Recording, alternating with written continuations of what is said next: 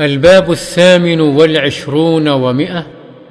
باب جواز الاستلقاء على القفا ووضع إحدى الرجلين على الأخرى.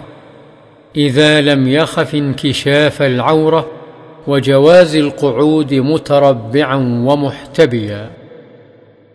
عن عبد الله بن يزيد رضي الله عنه أنه رأى رسول الله صلى الله عليه وسلم مستلقيا في المسجد واضعا إحدى رجليه على الأخرى متفق عليه.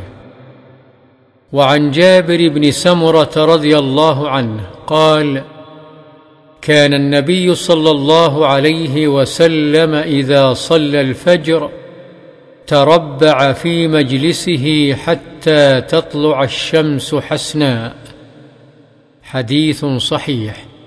رواه أبو داود وغيره بأسانيد صحيحة.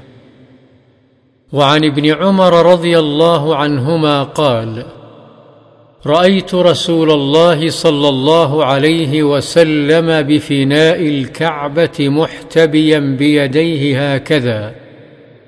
ووصف بيديه الاحتباء وهو القرفصاء رواه البخاري. وعن قيلة بنت مخرمة رضي الله عنها قالت رأيت النبي صلى الله عليه وسلم وهو قاعد القرفصاء. فلما رأيت رسول الله صلى الله عليه وسلم المتخشع في الجلسة أرعدت من الفرق. رواه أبو داود والترمذي.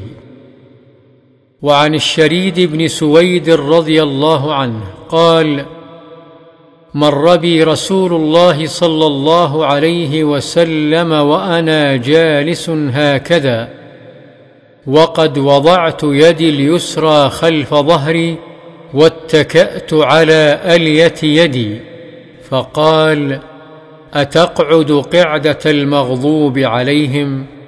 رواه أبو داود بإسناد صحيح.